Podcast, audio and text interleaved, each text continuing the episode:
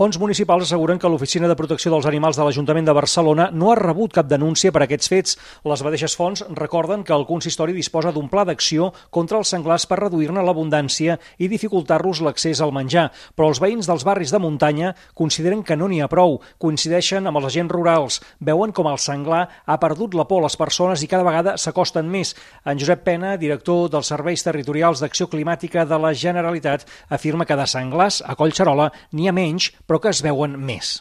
Arribem a aquest màxim històric del 2008, que podíem tenir podíem superar els 15 senglars per cada 100 hectàrees, però a partir d'aleshores ho aconseguim reduir moltíssim, no? fins a l'actualitat. Per tant, en realitat podem estar parlant d'un cas d'èxit, tot i que no podem baixar la guàrdia i efectivament, no? tot i que hi ha menys senglars, no significa que no estiguin ocasionant problemes i incidències de tot ordre. I cal tenir present que el senglar és un animal salvatge i, per tant, imprevisible, i que està prohibit donar-los menjar.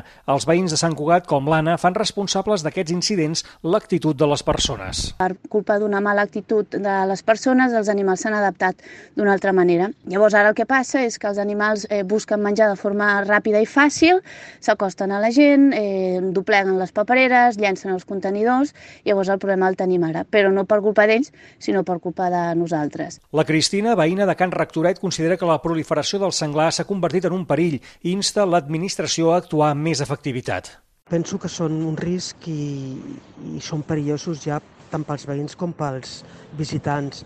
Eh, jo mateixa mm, surto a passejar amb els gossos i de vegades eh, haig de portar una pedra a la mà per, per si cal espantar-los si s'acosten massa. Són molts els testimonis de veïns que hem pogut recollir que s'han sentit amenaçats pels senglars, sobretot quan surten a llançar les escombraries o porten bosses de menjar que a vegades els han llançat per poder fugir. De fet, fins i tot alguns exemplars arriben a passejar-se per les terrasses amb gent sopant o per les cuines dels restaurants de la zona.